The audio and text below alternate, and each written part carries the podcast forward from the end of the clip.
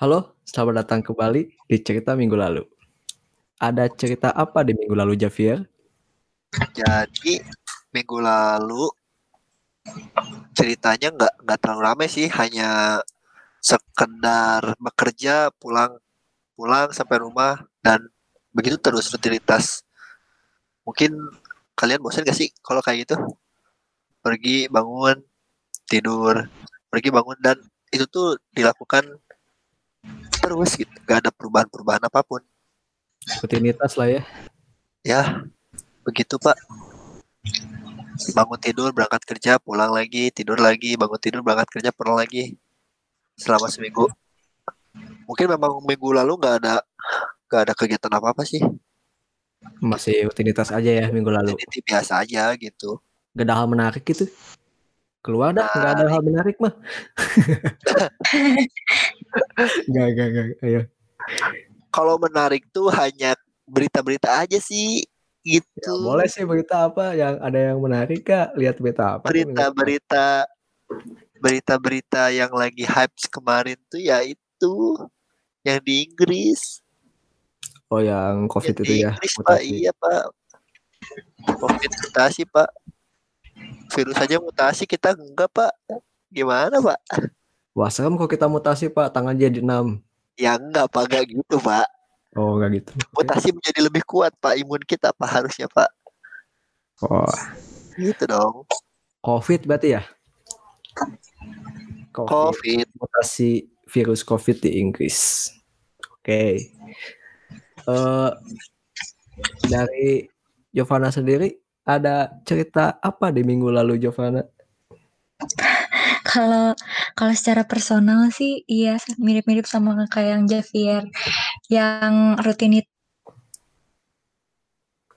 Halo? Halo? doang, malah rutinitasnya udah mulai pada hilang soalnya kan emang kalau ku- kuliahnya udah mulai beres, udah tinggal bener-bener nyusun doang, udah eh, gak ada mata kuliah lain lagi jadi bener-bener gabutnya tuh gabut banget gitu. Ini kalau secara personal, kalau sed- eh, yang di lingkungan secara general sih kalau dilihat dari trending paling di minggu lalu ada beberapa selebgram yang namanya naik.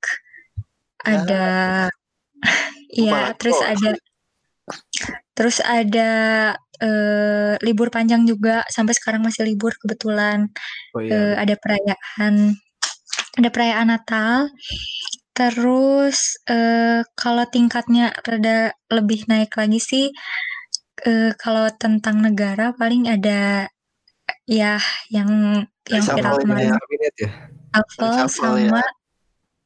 Sama Mm-mm, sama tentang eh, mulai muncul itu uji hasil uji efektivitas. Vaksin. Wah, nih. Serem ya. Wah Pak saya ada baru keingetan Pak. Apa? Apa Yang tuh? minggu lalu itu Pak saya yang lomba itu Pak. Oh iya, Oh iya, lomba. Oh Lomba. iya. Itu minggu kemarin ya? Bukannya dua minggu kemarin ya itu? Ya dua minggu kemarin sih makanya sudah lalu banget Oh iya, iya. Begitu. Oke. Hmm, dari Giovanna tadi ada eh, reshuffle kabinet, ya itu lagi naik sih ya, reshuffle kabinet, mutasi COVID juga, eh, lagi bikin apa? Lagi nyusun skripsi, Wah berat-berat Pak bahasanya Pak. lagi nyusun skripsi, iya nggak? Saya nyari yang ringan nggak ada. Aduh, Ada Pak. Aduh. Memang ini ranking satu selalu yang satu berat. berat-berat ya, yang berat Pak bahasanya Pak. hitungannya, Gak gak gak easy going. iya nggak ada apa kayak gitu ya, nggak ada receh-receh nih. Episode satu nih. Ya, yang receh adalah gue tiap hari gue tiap hari bangun tidur siang deket-deket zuhur terus tidur lagi jam 2 pagi gitu Wah. doang tiap hari makan kamar mandi ya Oke. nggak gitu. main HP Ya itu mah gitu doang kagak ada rutinitas setiap orang lagi kov- lagi pandemi kayak gini ya semua kayak gitu Ibu. iya Ya nggak semua sih. Oke. Ya alhamdulillah masih bisa makan ya Allah. Ih nggak enak ya jadi Apa? jadi apaan Gak ditanyain cerita minggu lalunya apa Alwan? Oh iya. Males ya. Karena ada udah, udah ada aja. lah. Gak penasaran sih, Enggak gak sih, so, penasaran. enggak soalnya kan Anda yang ada. tadi membuka, Pak. Kan Oh, kita iya. belum beres. Oh, iya, iya Dari juga, iya. Giovanna nanti se- setelah itu kan saya yang akan bertanya, Bapak bagaimana cerita minggu lalunya? Oh iya, iya. iya. BTW ini nggak ada skip ya makanya acak-acakan gini jadi ya dengerin aja. Ya udah, Kalau mau dengerin, kalau enggak ya udah. Ya udah. Eh cerita minggu lalunya Alwan minggu kemarin apa ada, ada apa ya? Minggu kemarin. Selain Natal selain reshuffle kabinet. Minggu kemarin itu oh masih kuliah gitu-gitu aja. Formalitas. Terus kerja. Gitu ah. biasalah eh, rutinitas anak IT kerja jadi programmer kerja deadline. Sombong amat. Di pus kerjaan udah deket-deket deadline masih banyak yang belum ya- beres. Hmm, project kan juga. Masih dikejar-kejar. Tapi kerjaan main game tiap hari. Hmm, Main game apa, Pak? main game lagi lagi main game FPS sih. Oke. Valorant sama CSGO terus apa ya? Oh podcast ini. Banjir. Ide podcast ini Banjir. Ya kemarin banjir sih Bandung. banjir juga di Bandung ya oh ya benar tapi nggak ke nggak kebanjiran sih jadi Alhamdulillah Bapak. iya ya alhamdulillah Ya, alhamdulillah. Hmm, itu aja sih paling. Bahas apa ya kita ya dari tadi ya? Bahas banjir yuk. Ah. Enggak. Kenapa Bapak? Oh, yang kemarin rame deh. Eh, Apa vaksin, lagi? vaksin. Nah silahkan Ibu Biologikal dari Universitas Gimana tuh? Gimana tuh vaksin? Bisa jadi titan nggak kita kalau pakai vaksin terus sambil petir berubah DNA. Uh, jadi gede gitu? Bisa nggak? Kalau mutasi, kalau mutasi, eh, gak usah dijelasin kan mutasinya apa? Ya kalau mutasi dari eh manusianya sih mungkin kemungkinannya kecil, cuman kalau mutasi dari si virusnya gede banget kemungkinannya. Soalnya kan kebetulan virus corona ini kemungkinan mutasinya besar karena dia eh, butuh untuk adaptasi sama lingkungannya. Jadi ya dia bisa berubah-berubah gitu sifatnya sesuai sama lingkungan tempat dia hidup, tempat dia tumbuh. Gak tumbuh sih, tempat dia bersarang gitulah istilahnya.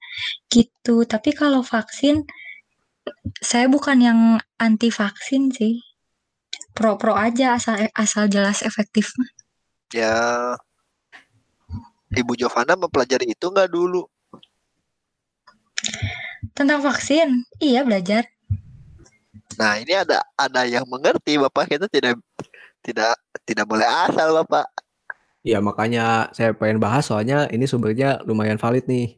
Karena Ya. dari pendidikannya langsung. Ya saya maksudnya gini loh orang-orang juga banyak yang asal gitu ngomong di kolom Iya. komentar saya banyak baca ini ini gini gini gini bla bla bla ya ya anda tidak bukan tidak kompeten gitu berbicara seperti itu Jadi Iya. kalau uji coba vaksin tuh ada tiga tahap. ya tahap eh, pengujian. Tahap pertama tuh jelas keamanannya. Jadi kalau sekarang kan yang dilakukan kan uji tahap tiga ya, uji efektivitas atau kala kadang kalian bacanya uji efikasi. Jadi dia ini efektif gak nih ngilangin si virusnya atau mematikan virusnya? Apakah dia benar-benar bekerja apa enggak? Nah kalau udah tahap tiga, dia jelas sudah mu- udah melewati tahap satu, tahap duanya dong. Nah, Hmm. tahap satu banget, tahap awalnya banget itu adalah uji keamanan. Jadi eh kalau udah di tahap tiga mah udah aman lah ya gitu. udah Kalau lolos gitu misalkan misalkan ada efek samping segala macam, biasanya itu dili- harus dilihat juga si background yang eh, pakai vaksinnya itu apakah misalnya nih ada yang bilang habis pakai vaksin saya pusing, saya eh, lemes segala macem. Bisa aja dia mungkin paginya belum makan atau dia emang sakit dari sebelum-sebelumnya. Itu yang belum banyak keteliti banyak banyak gitu. faktor banyak faktor yang Atau ditagih Mm-mm. utang gitu ya. Hmm, gitu Pusing. langsung. Pas-pas lagi di jalan kan ditanya di chat di WA, utang gimana? Eh utang, uang yang kemarin gimana ya? Gitu ya, kan bisa tiba-tiba aja. pusing kan Terus ditanya lagi, gimana perkembangan kamu setelah divaksin? ya pusing lah bapak. Lagi disuntik Cuman- aja, baca WA gitu. Ini di depan ada yang nagih cicilan motor. Wah, Cuman kalau untuk pakai pakai vaksinnya sekarang banget sih, apalagi eh, eee, iya pokoknya kalau pakainya sekarang banget sih, tidak merekomendasikan. Soalnya yang baru dibeli itu, itu kebetulan kan kerjasamanya sama universitas saya untuk, eee, uji efektivi uji efektivitasnya. Nah itu hasilnya belum keluar, Iya, oh belum. keluarnya tuh baru pertengahan nanti tahun nanti depan. awal tahun awal tahun. Jadi Hmm. Berita terakhir sih kalau misalnya Brazil udah bilang efektivitasnya di atas 50%, terus ada pihak dari mana gue lupa, itu di atas 90%. Cuman masih belum cukup, soalnya dibandingkan jenis vaksin lain, ada Pfizer, ada Moderna, itu efektivitasnya di 95%. Jadi masih jauh kalau misalnya benar hasilnya 90% doang gitu. Sebenarnya untuk hasil sendiri tuh dari WHO sendiri sama produsen yang di Bandung bikin itu gak gimana ya disebutnya tuh?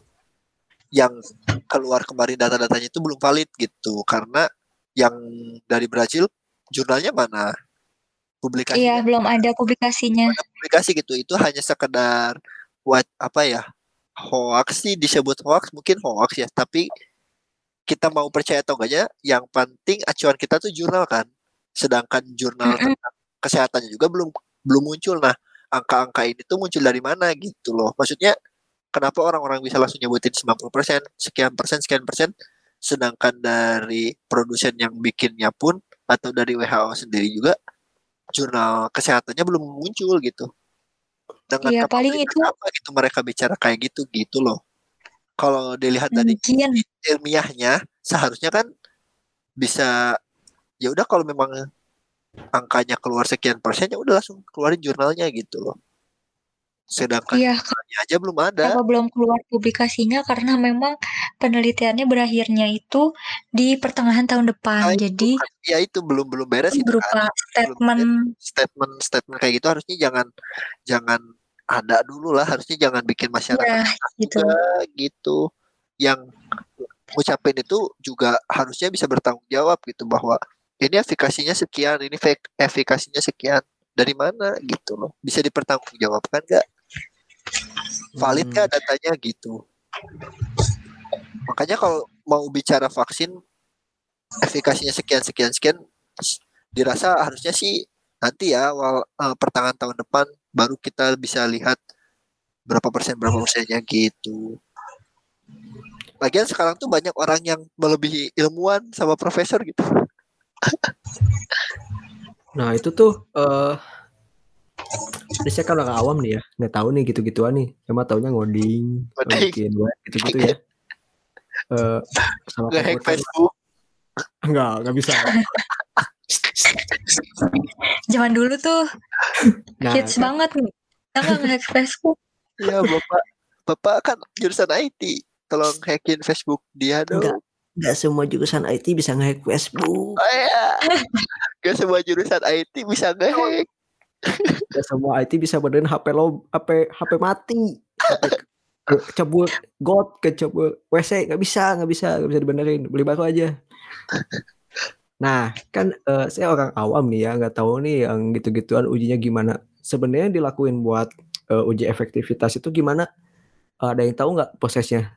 Eh, misalnya nanti apa yang dilakuin nih buat dapat eh, angka efektivitasnya Ya. uji co- dari uji coba kah atau prosesnya gimana tuh? Detailnya nggak tahu. Nggak tahu. Kalau detailnya banget nggak tahu. Cuman kalau yang dari relawan yang saya tahu sih dia itu kayak di setelah disuntik vaksin dua kali kalau nggak salah dia bikin catatan harian gimana kondisi fisik dia setelah disuntik eh, vaksin itu. Cuman ada dua jenis yang disuntikin. Ada vaksin, ada yang namanya placebo. Placebo itu Placebo placebo. Iya placebo. Gimana nyebutnya? Placebo. Placebo, Iya. ya, placebo. Nah, ple- placebo itu kayak sub- eh, pembanding doang isinya tuh bukan bukan benar-benar vaksin yang eh, diujikan untuk meng, meng- menginaktivasi si virusnya kayak air doang gitu. Jadi kayak sebagai pembanding apakah dia disuntikin air doang sama disuntikin vaksin itu uh, efeknya ketuanya beda atau enggak gitu. Jadi seandainya ada berita yang keluar. Misalnya dia habis disuntik vaksin tetap kena nih. Kita harus tahu dulu itu yang dia dapatnya suntikannya placebo placebo Placebo atau bagaimana penyebutnya atau vaksinnya. Ya jadi benar-benar yang dapat eh, efek samping dari vaksinnya itu benar-benar harus diketahui dulu sih dia latar belakangnya gimana soalnya kan kalau di media cuman rata-rata uh, pengguna vaksin merasakan ini setelah disuntik sekian hari Padahal ternyata yang atau disuntik itu adalah placebo ya. iya jadi. gitu Ngerti ngerti ngerti. Jadi kayak placebo placebo lagi. Placebo efek gitu ya. Padahal iya ini nggak ada apa-apa sebenarnya kan. Cuman Mm-mm. kenapa kenapa pusing dan lainnya itu mah sugesti mungkin. Ya nggak sih? iya bisa sugesti juga Ya ya ya, penting ya. banget Iya karena ya itu variabelnya manusia gitu. Dan itu teh subjektif.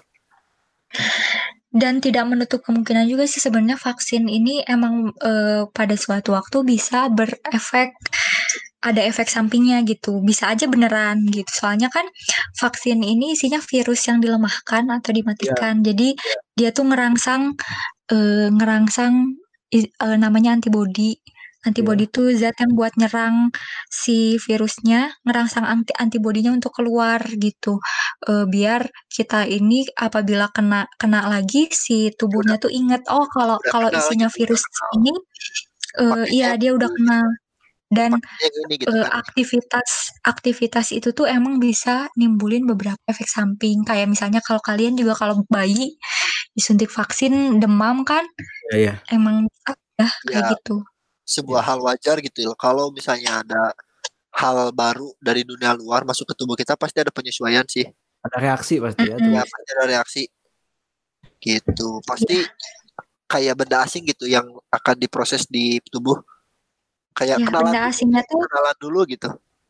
Kenalan dulu. Nah, proses kenalannya itu ya mungkin reaksi di tubuhnya beda-beda. Ada yang bak- kalau misalnya dari imunitas tubuh kita hari itu lagi bagus ya udah oke-oke aja gitu. Tapi kalau misalnya kita lagi capek, lagi apa, ya mungkin efek sampingnya juga akan beda sama orang yang lagi segar bugar gitu. Nah, eh, kurang lebih terus oh iya lanjut gimana? deh Apa tadi? Boleh? takut panjang nih nggak apa-apa Apa apa? Jadi kurang lebih eh, kurang kurang lebih peng- perumpamaannya tuh gini. Ada namanya eh antibody, ada yang namanya antigen, ada yang namanya patogen. Ada tiga jenis ini. Antibody itu kita ibaratin tentara gitu ya. Antibody namanya tentara. Terus eh, ada yang namanya antigen. Antigen itu eh, zat asing, orang asing Oke. perumpamaannya orang asing yang masuk ke sebuah negara. Orang asing yang masuk ke sebuah negara kan nggak sel- nggak seluruhnya berbahaya kan, Iya. Gitu. Nah, jadi Seluruhnya kebarannya pas ya dianggapnya asing aja gitu, mau berbahaya mau enggak tetap waspada gitu. Ya nggak sih? nah iya, nah yang yang jahat itu disebutnya patogen gitu.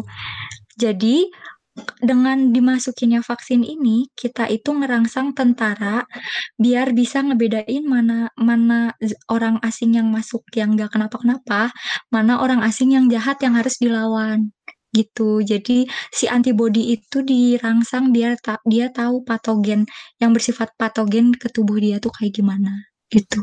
Jelas gak Jelas kalau sih. kayak gitu? Jelas banget sih. Bikin pembeda gitu kan. Mm-mm. Hmm, Scanning gitu. awal lah, scanning Kalau awal. misalkan ka- bisa aja respon tubuh, misalnya yang antigen, yang asingnya, mau dia baik, mau dia jahat, dilawan sama si tentara ini, sama si antibodinya ini. Ini tuh nyebabin penyakit lain, autoimun namanya, kalau kayak gitu. Jadi segala macam yang masuk ke tubuh dianggap jelek kan gak, gak gitu juga kan. Orang asing yang masuk ke sebuah negara kan gak semuanya jahat, gak jahat, belum tentu jahat juga gitu. Iya. Hmm, Nah itu yang yang jadi pertanyaannya bukan pertanyaan sih, yang jadi masalah kita tuh sekarang adalah banyak gitu medik media dan beberapa ya kom- kolom komentar yang menyebutkan ini tuh ini loh bisa merusak DNA ini tuh gini loh gini. Bah padahal mereka sendiri pun bukan bidangnya gitu. Ya nggak lucu, lucu gitu kayak Nah emang eh, itu itu benar nggak sih nggak se- kayak nggak sesuai gitu apa yang mereka ini bisa bisa ngubah DNA? Emang bisa kenyataannya? Hah, kalau nggak salah Nggak. corona tuh virus RNA, RNA sama DNA beda jauh. beda jauh Apa, kenapa tiba-tiba DNA-nya berubah? Kalau sedangkan virus RNA, virus coronanya pun dia virus RNA sama-sama bahan genetik tapi fungsinya beda, sifatnya beda. Banyak bedanya nanti di search aja, aja bedanya DNA sama RNA dari untaiannya aja beda.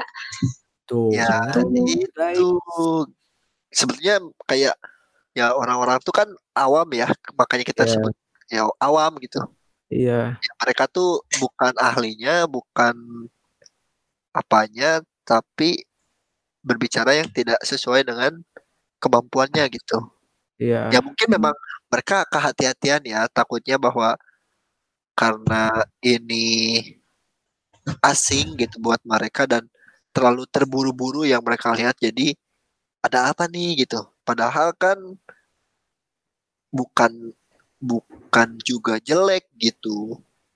Dan dan banyak yang bilang juga bahwa vaksin tuh dibentuk atau dibuatnya tuh lama gitu. Dari hingga 10 Iya lama karena betul karena susah. Karena kita susah. sebelum sebelum bikinnya dulu kan kita harus tahu kode genetiknya dulu kan Nah, betul, biar betul. supaya masuk ke virus itu doang buat menghancurkan virus itu doang. Ya, Nah, itunya sih yang lama ya. sama formula jelas dan oh ya dan ini yang tadi eh, saya omongin tadi berdasarkan pemahaman yang saya tahu selama saya belajar. Jadi mungkin aja dari penjelasan tadi ada penjelasan saya yang salah gitu dan ini sebenarnya bisa jadi pelajaran juga sih eh, saya yang memang masuk jurusannya atau mungkin eh, concernnya di bidang ini pun masih bisa salah atau saya baca artikel ilmiah pun pemahamannya lama gitu. Jadi untuk orang-orang yang misalkan baca Google sekilas terus dia langsung speak up, speak up yang eh, mempengaruhi banyak orang harusnya lebih lebih berhati-hati lagi lah. Iya, sama apa yang dia omongin bicara. gitu. sebenarnya gini juga sih logikanya adalah bahwa kenapa sih eh, vaksin yang sekarang tuh lebih cepat diproduksi dan dari vaksin-vaksin yang lain kenapa lama yang pertama karena tingkat emergensinya juga beda Iya nggak sih. Iya Kayak betul. kita bermain logika aja dulu sedikit lah bahwa ketika vaksin-vaksin cacar atau apa pun itu tingkat emergensinya kan tidak setingkat dengan keadaan sekarang gitu. Jadi memang tidak ada effort yang lebih yang harus dikeluarkan ketika harus bikin vaksin yang cacar dengan vaksin yang ada sekarang gitu loh. Perbandingannya juga udah beda gitu. Dan mungkin saat 10 tahun yang lalu teknologi yang dikembangkan juga belum ada berbeda dengan tahun sekarang mungkin step step yang satu dua tiganya udah bisa dirangkum menjadi satu step dari yang ada sekarang itu apa ya bukan berbicara keilmuan tapi ini mah logika saya aja gitu bahwa tingkat emergensi dan teknologi pun udah berbeda gitu dengan ada yang keadaan dulu sama yang sekarang jadi kayak dunia tuh berkembang loh gitu masa kita nggak bisa berkembang gitu loh itu sih Hmm, iya. Eh, jadi jadi gitu ya. Eh, maksudnya buat teman-teman nih di luar sana yang kalau baca eh baca eh, tulisan yang masih ber ke arah sana ya, ke arah eh apa disebutnya ya?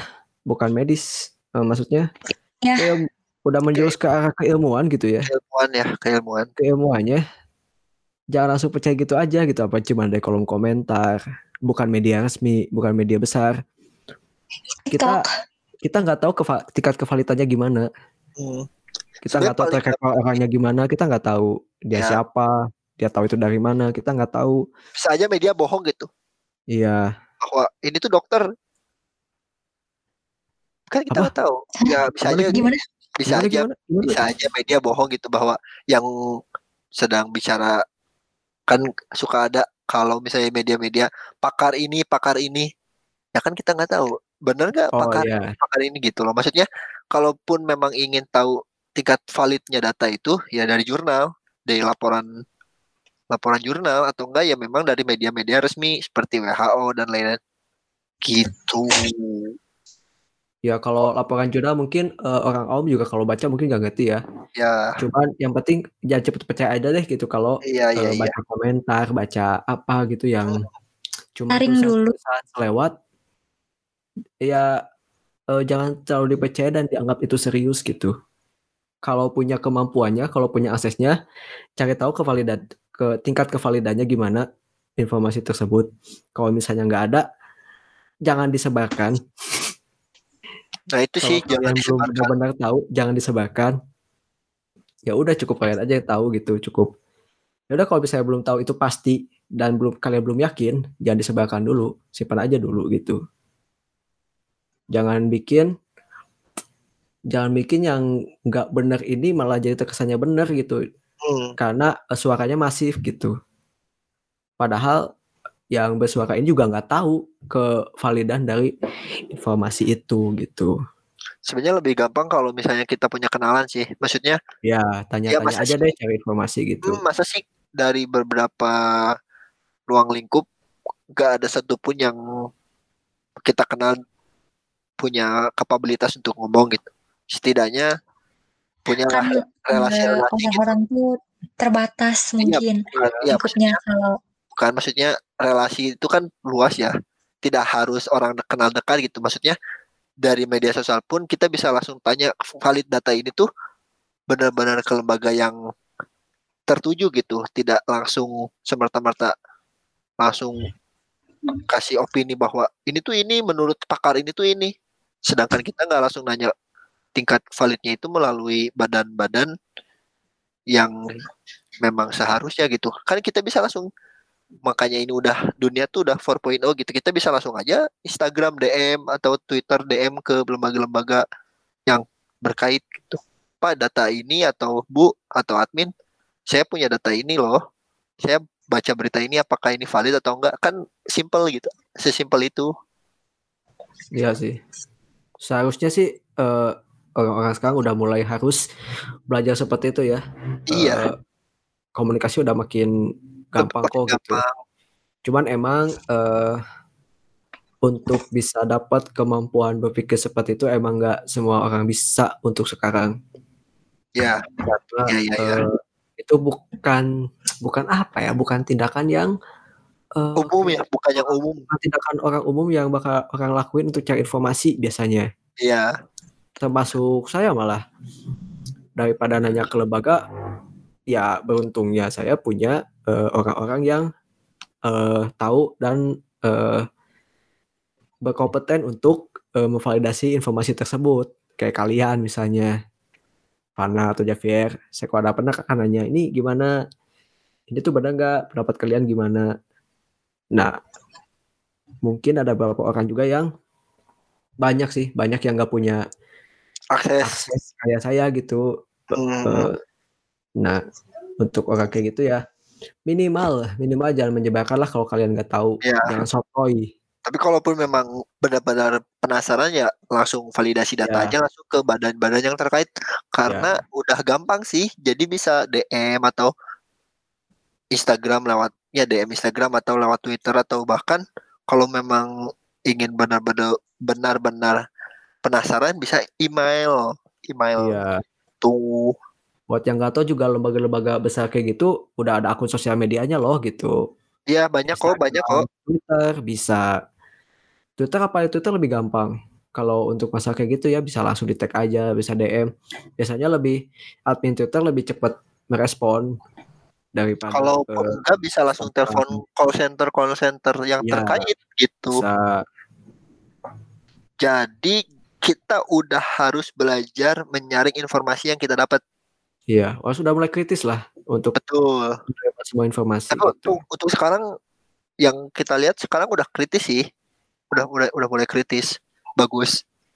Hanya yaitu untuk penyaringannya masih belum belum Iya. ini sih Masih berani sounding eh, hal-hal yang belum benar-benar di dipastikan kebenarannya. Cuman kalau soundingnya sih udah bagus. Nah, gitu Udah sih. udah udah ini banget lah. Ka- orang orang luar mana sih yang nggak tahu Indonesia gitu. Eh, pengguna yang termasuk paling banyak kan. Terus kalau ada kasus apa kasus apa tuh pasti rame lah gampang banget rame Betul. kalau misalnya bawa-bawa Indonesia. Cuman ya mungkin harus ditingkatin aja sih eh jiwa-jiwa kritis, jiwa mau nerima nerima pendapat orang lain selain pendapat diri kita sendiri. Karena kan kadang kita bicara cuman buat eh, validasi bahwa apa yang kita pikirkan itu benar gitu. Padahal kan nggak kayak gitu. Boleh Sebetulnya kita. ya ya. Hmm. Karena apa ya? Yang kita bahas ini adalah keilmuan yang ada dasarnya gitu. Iya. Ya, bukan Ya, ya, bukan ya, konspirasi gitu. Yang kita Iya. bahas sekarang itu bukan konspirasi. Itu tuh ada dasarnya gitu. ya.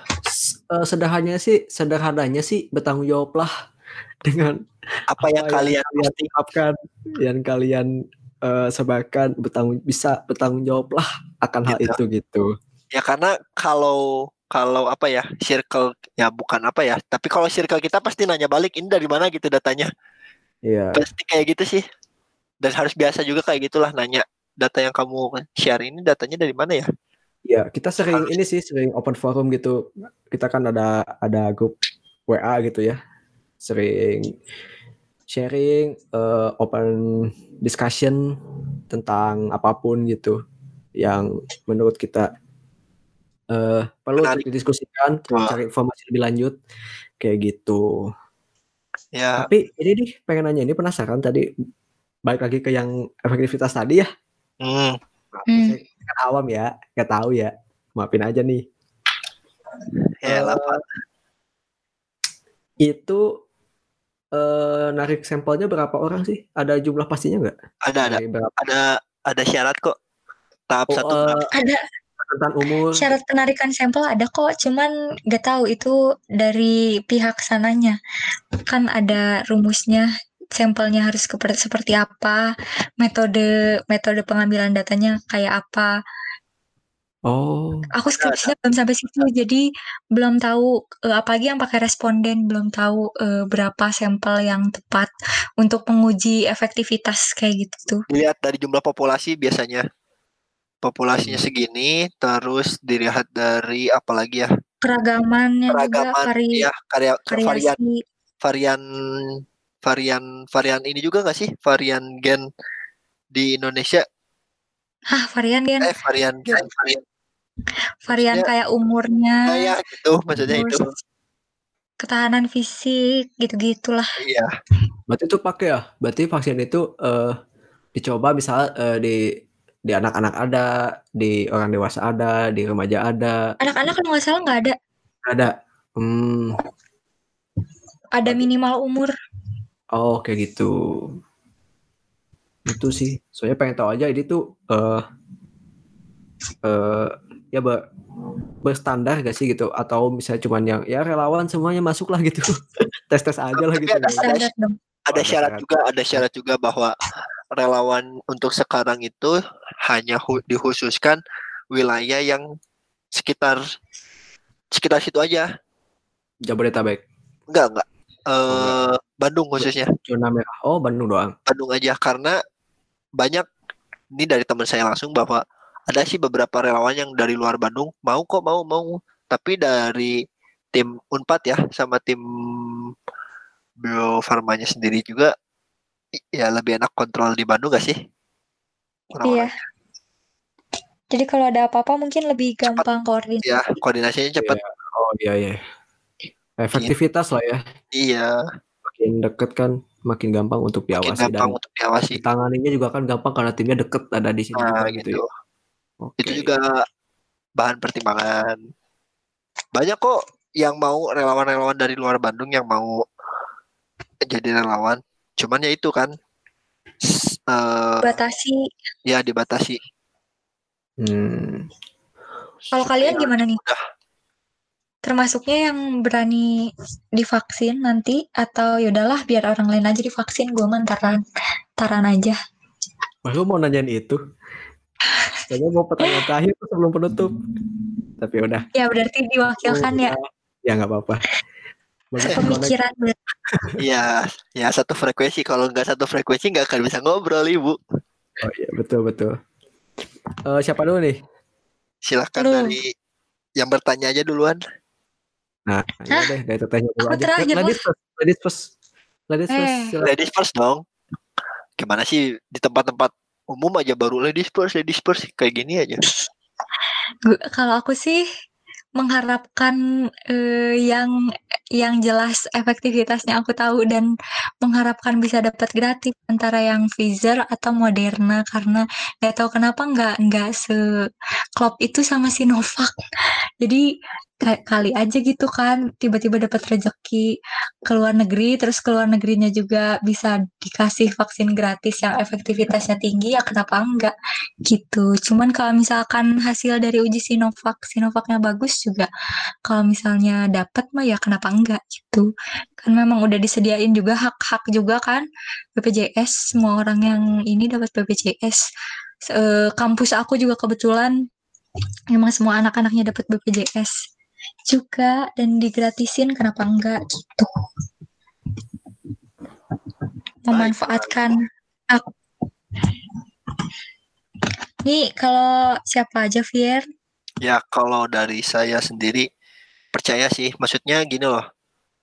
Banyak orang yang udah berkorban jiwa, harta, tenaga untuk apa ya kita ya Bikin. aku sendiri pun Untuk punya teman-teman yang lingkungan di sana ya, maksudnya ikut menghargai proses mereka, ikut menghargai effort mereka, ikut menghargai apa namanya em, proses dari pemerintah se- sedemikian rupa sehingga bahwa ya dari segi ya nggak mungkin sih ma- mana ada sih pemerintah yang mungkin banyak orang-orang yang bilang oh ini mah ini ini, ini konspirasinya gini-gini.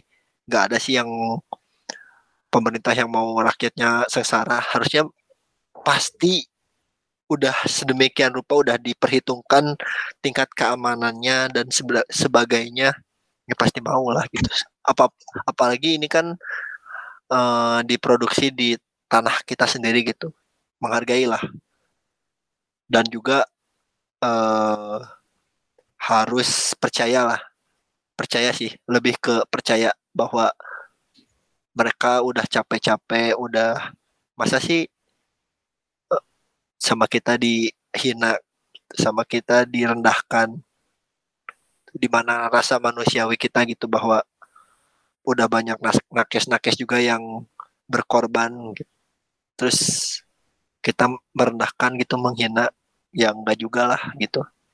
Harus saling menguatkan sih kalau kondisi kayak gini tuh har- semuanya harus dari segi kita terus tem apa warga-warga yang lain juga harus ya itu intinya menguatkan sih satu sama lain bahwa harus saling percaya. Trust is the glue of life. Gitu. Eh, gitu ya. Satu satu nggak pakai Novak deh. Pakainya yang Moderna sama apa tadi? Moderna sama apa ya aduh Pfizer, tapi kalau dapat ya kenapa Pfizer. enggak gitu kan. Pfizer eh, Akhirnya jangan dipotong. Pfizer, Pfizer. Pfizer. oh iya Pakainya Pfizer lebih percaya Pfizer sama Moderna kalau bisa nggak pakai Novak. oh Pfizer Yang satu pakai deh. Udah keadaan gini mau nungguin apa lagi gitu ya. Udah menghargai juga capek juga. effort-effort mereka yang udah capek yang udah ah pokoknya semua lah Iya sih. Oke, kalau gitu udah ya. Cukup. cukup dong Oke. Enggak bisa lah, mana belum mengemukakan argumen saya mau udah tahu jawabannya Emang takut enggak ya. saya saya saya takut di vaksinnya ada nanochip. Iya ada nama chip nanti kedetek sama Nanti Bill saya- Gates Iya nanti Bill Gates tahu saya lagi lagi mandi gitu. Uh, siapa lagi, saya lagi ngebaso gitu. Nanti Bill Gates tahu. Nanti siapa? saya dicuri. siapa siapa kita pak dimasukin chip pak Eh, Data Nggak itu sepenting itu. berharga, data itu berharga. Penting itu kah? Iya. Saya mah hidup di pinggiran kota. Enak banget itu yang ngomong pertama ngomong di dalamnya ada nanochip siapa sih? Gak tahu. Aneh yang orang. memprakarsai ide nanochip. Ya terlalu banget. terlalu banyak nonton Transformer. Nonton Dance itu yakin itu nonton Dance. Gak nonton film Lucy. Bisa tuh nonton film Lucy. Bisa bisa kayak nanti masuk HP gitu, pindahin kesadaran masuk Nokia. Ya Soal enggak lah. vaksin. Hmm, Tidak lah. sama kayak Giovanna sih. eh buat yang sekarang lagi yang Novak kan lagi diteliti di Indonesia. Sinovac, Bapak. Sinovac ini nanti dulu dah gitu nungguin hasilnya. Tunggu hasil aja keluar ya. Ya, Karena sama- memang Pfizer udah keluar Lagian kita nggak akan awal-awal sih. Iya, yang awal-awal kan nakes dulu, terus Gitu petinggi negara. Kita mah paling ta- tahun depan tuh kayaknya nggak kemungkinannya kecil banget bisa divaksin tahun depan. Bukan tahun depan Ya, Bukan orang paling- prioritas. orang paling deket dulu deh yang sama eh, sama COVID ini yang perang langsung eh, yang lagi perang langsung medis, pemerintah yang harus fit buat tetap support eh, ngejalanin ya, pemerintahan. stabilkan segala masalah yang ada di negara kita ini sama yang pekerja yang emang butuh butuh benar-benar mobile mobilitas mobilitas mobilitas tinggi. tinggi apalagi yang dekat sama misalnya yang di zona merah yang gitu gitulah itu aja deh dulu yang benar-benar butuh kalau saya ada programmer ini kerja juga bisa di rumah Sombong amat. ya ya sama aja sih kerja gitu kan mau di mana-mana juga ya maksudnya nggak nggak sepenting itulah gitu sama lingkungan juga eh, jauh dari nggak ada nggak ada kenal dengan orang-orang. juga. ya eh, rumah juga eh, daerah rumah kebetulan Terisolasi sendiri. yang sekarang juga eh, apa belum ada kasus gitu maksudnya Daerah si awan emang kalau misalnya kita cek di ini ya, gue tuh kadang ngecekin di GPS, emang zonanya sering hijau guys, jadi lebih gitu. aman daripada daerah gua. Eh, ya dari dari Alwan kan sepi, Pak. Bu.